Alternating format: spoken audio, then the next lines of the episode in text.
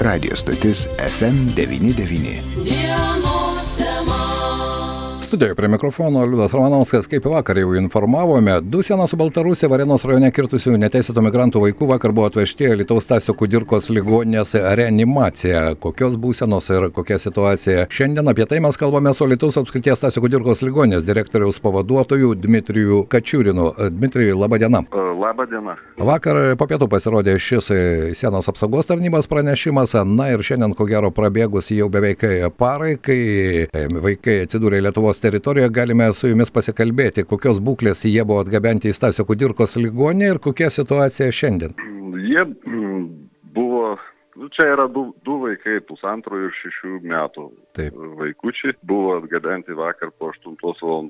ryto su greitosios medicinos pagalbos transportu, nu, tokios sakyčiau, sun, pakankamai sunkios būklės, dezorientuoti, apatiški, nelabai reaguojantis į aplinką ir, ir teko, kilo įtarimas ir iš pareigūnų žodžių, kad gali būti apsinuodijimas medikamentais. Tai tas pasitvirtino, tokie mūsų ekspres testai parodė, kad vaikai buvo vaikų organizme buvo psichotropinių medžiagų pėtsakai. Po detoksikacijos, nu taip, e, sakykime, infuzijos, e, tai jų būklė pagerėjo, šiuo metu aktyvesni, berniukas ypač gražiai atsigavęs, taip. bet planuojami dar perkelti, pastebėti jų būklę iki vakaro arba iki rytojus ryto į vaikų lygų skyrių.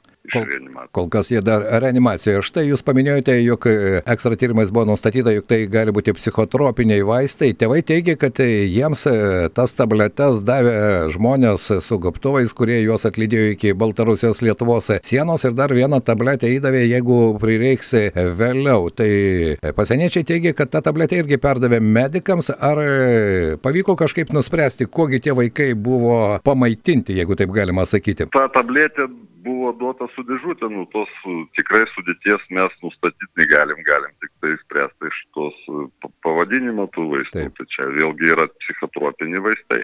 Bet tai yra receptiniai vaistai, ar ne? Iš esmės, tokio, tokio pobūdžio vaistai, jie yra skiriami. Iš esmės taip. Taip. taip iš esmės tai. Kaip galima suprasti tokį poilgį, kad vaikai būtų ramus, jiems va štai psichotropinę tabletę ir, o po to medikams tenka juos gelbėti? Nu, man kaip žmogui, to labiau kaip gydytojui sunku suvokti tokį elgesį, bet matot, nu, čia yra, yra struktūr, kriminalinės struktūros, tam Taip. nėra nieko švento. Be jokios abejonės, niekas ten apie vaikų tą savijautą negalvoja. Kai pasirodė šis pranešimas ir mūsų Facebook'o paskyroje, iš karto pasipylė įvairūs komentarai, štai dabar gydytojai rūpinasi migrantų vaikais, o mūsų vaikai turi laukti eilėse po 2-3 valandas, karščiuojantis ir taip toliau. Dmitrijau, kokia situacija šią vasarą Stasio Kudirkos ligoninėje ir ar tie priekaištai, kuriuos pradėjo žerti Facebook'o puslapiuose, yra kažkiek pagristi? Nu, kas liečia vaikų, vaikų jų iš viso labai sumažėjo.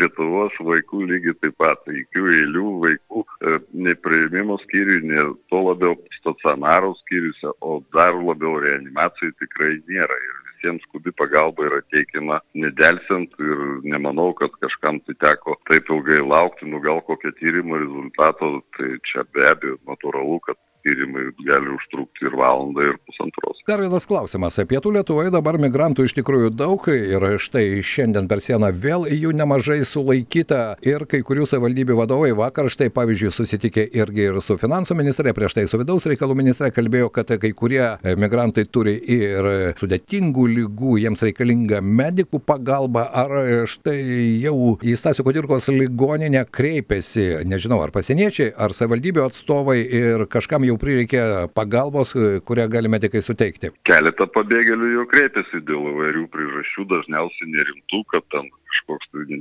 neaiškus skausmas ar, ar dar tokie nusiskundimai. Visų pirma, yra labai didelis kalbos barjeras ir ne visada galima suprasti, ką žmogus nori. Jie nekalba jokią kalbą, ne anglų, ne prancūzų, ne rusų.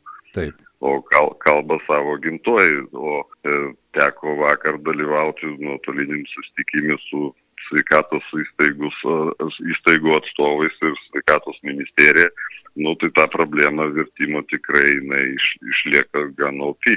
O kas liečia pačių pacientų aptarnavimą, nu, nemanau, kad gydytojas turėtų skirti, ar čia pabėgėlis ar nepabėgėlis, jam reikia pagalbos ir jisai ją turi suteikti. Ir čia yra principas pagrindinis, kurio laikosi visi mūsų įstaigos darbuotojai. Na, pagaliau tai yra visų gydytojų priedermė, ko gero taip galima būtų pasakyti, bet štai tokių ypatingai daug atvejų, kiek suprantu, Stasio Kudirkos ligoninėje nėra, kad reikėtų teikti migrantams skubę pagalbą. Ne, šiuo metu tai nėra toks masinis reiškinys, tikrai netrukdo teikti pagalbą kitiem pacientam priimimo skyrius ir problemos kol kas aš nematau, nors jinai gali, aišku, atsirasti.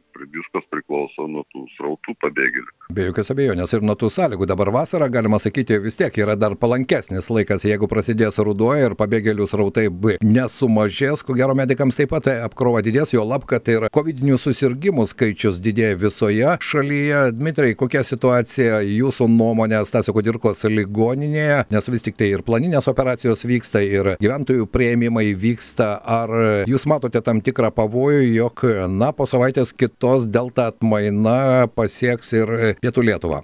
Šiuo metu pas mus veikia visi skyriai ir paslaugos teikiamos pilna apimtim. Mes neteikim COVID gydymo pacientų paslaugas. Taip.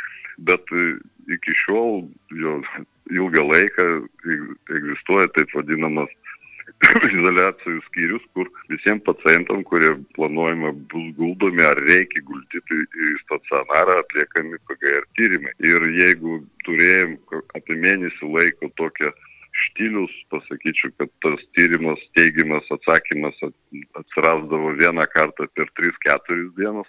Taip. Tai pavyzdžiui, per vakar parą buvo jau 3 teigiami PGR tyrimai, visi pacientai dar išvežami į Vilnius klinikinę ligoninę ir ten jie gauna stacionarinį gydimą, bet iš kolegų, nu, tokia teko girdėti, kad jo ruoškitės, greičiausiai reikės skyrių atidarinėti ir Lietuvos ligoninė, vadinasi, Ten tendencijos yra aiškis. Taip, ten jau pildosi, vadinasi, delta vis dėlto kuo toliau, tuo labiau plinta ir Lietuvoje, jo lab jau ir epidemiologai teigia, kad jau daug vietinių užsikrėtimo atvejų yra, tai vadinasi, jau prasidėjo ta tokia grandininė reakcija. E, Dmitrai, dabar e, tas covidinis skyrius yra uždarytas, ligonius vežate į Vilnių, bet iš esmės e, bet kurią akimirką jis esant reikalo ir negali būti vėl atidarytas. Taip, mes pasiruošę tai padaryti per 2-3 dienas maksimum ir skyrius vėl funkcionuos, to labiau, kad patirties, kaip tai organizuoti, kaip tai nu, suburti kolektyvą, suburti komandos mes jau turim, dabar jau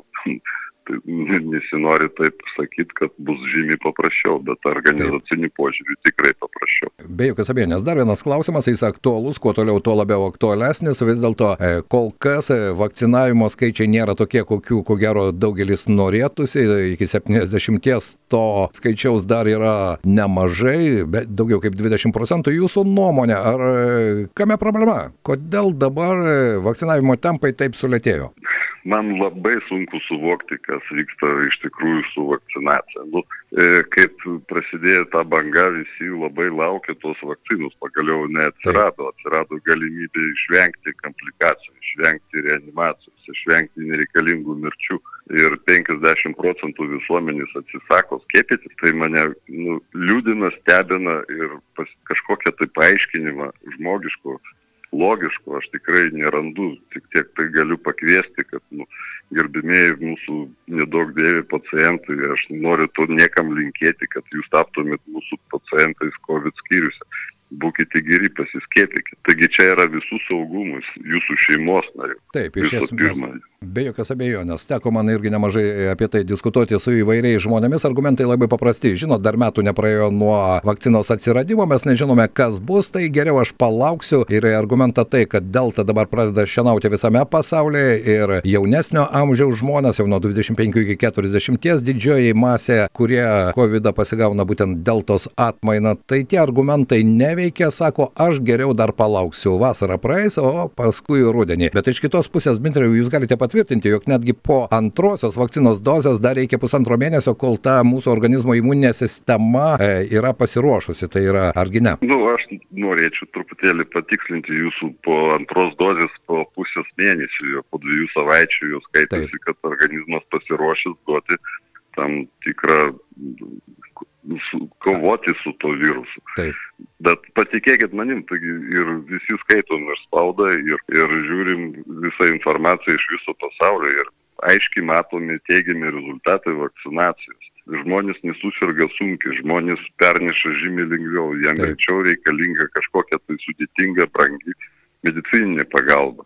Čia yra faktai jo akivaiz- akivaizdus ir čia disk, diskusijos negali būti. Be jokios abejonės. E, Mano nuomonė čia yra klausimas, nori ar nenori, gali e, pasverti, ar tu nori iš tikrųjų atsidurti COVID-19 skyriuje su e, neaišku kokia finišo tiesėje, ar e, pasiskėpyti ir vis dėlto turėti tam tikrą saugiklį, ar neapsaugoti save ir ne tik save, bet svarbiausia ir kitus žmonės, nes, e, na, vasara prabėgs labai greitai, prasidės rugsėjas, norėsime, kad e, gyvenimas vis dėlto po truputėlį sugrįžinėtų, bet sprendžiant iš dabartinės situacijos ir tokios skiepų e, tempo, tai ko gero rudenį galime sulaukti nemalonių naujienų. Greičiausiai taip, taip ir bus.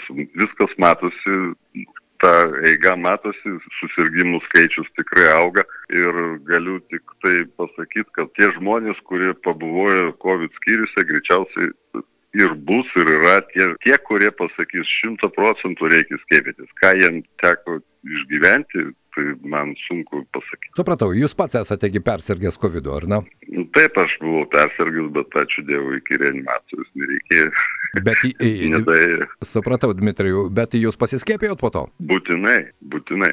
Nes čia irgi dar vienas toks, žinot, stereotipas, aš persirgau, man dabar skiepo nereikia. 90 dienų po susirgymo ir skiepas yra, yra labai pageidauja. Na štai tokia mediko rekomendacija. Mūsų pašnekovas buvo Stasio Kudirkos ligonės direktorius pavaduotojas Dmitrai Kačiūrin. Kągi aš tikiuosi, kad tie vaikučiai, kurie vakar atsidūrė reanimacijos skyriuje, vis dėlto medikų pagalba jie išsikapanos, bet čia kitas klausimas. Vis dėlto, kokiu priemonių imasi tos kriminalinės struktūros, kurios migrantus veža ir siunčia per Lietuvos Baltarusijos sieną. Kaip sakė mūsų pašnekovas, čia suprasti praktiškai neįmanoma, ar ne? Nieko švento jiems nėra. Dmitrai, ačiū. Ačiū Jums, viso geriausio, geros dienos. Geros dienos. E, Mūsų pašnekovo informacija nuramino, ko gero, vaikai šiandien iš reanimacijos skyriaus, e, ko gero, bus dar perkelti į vaikų skyrių pusantro ir šešių metų. Vaikai vakar atsidūrė Stasio Kudirkos ligonės reanimacijos skyriuje. Prie mikrofono šį laiką su jumis Liudas Ramanauskas.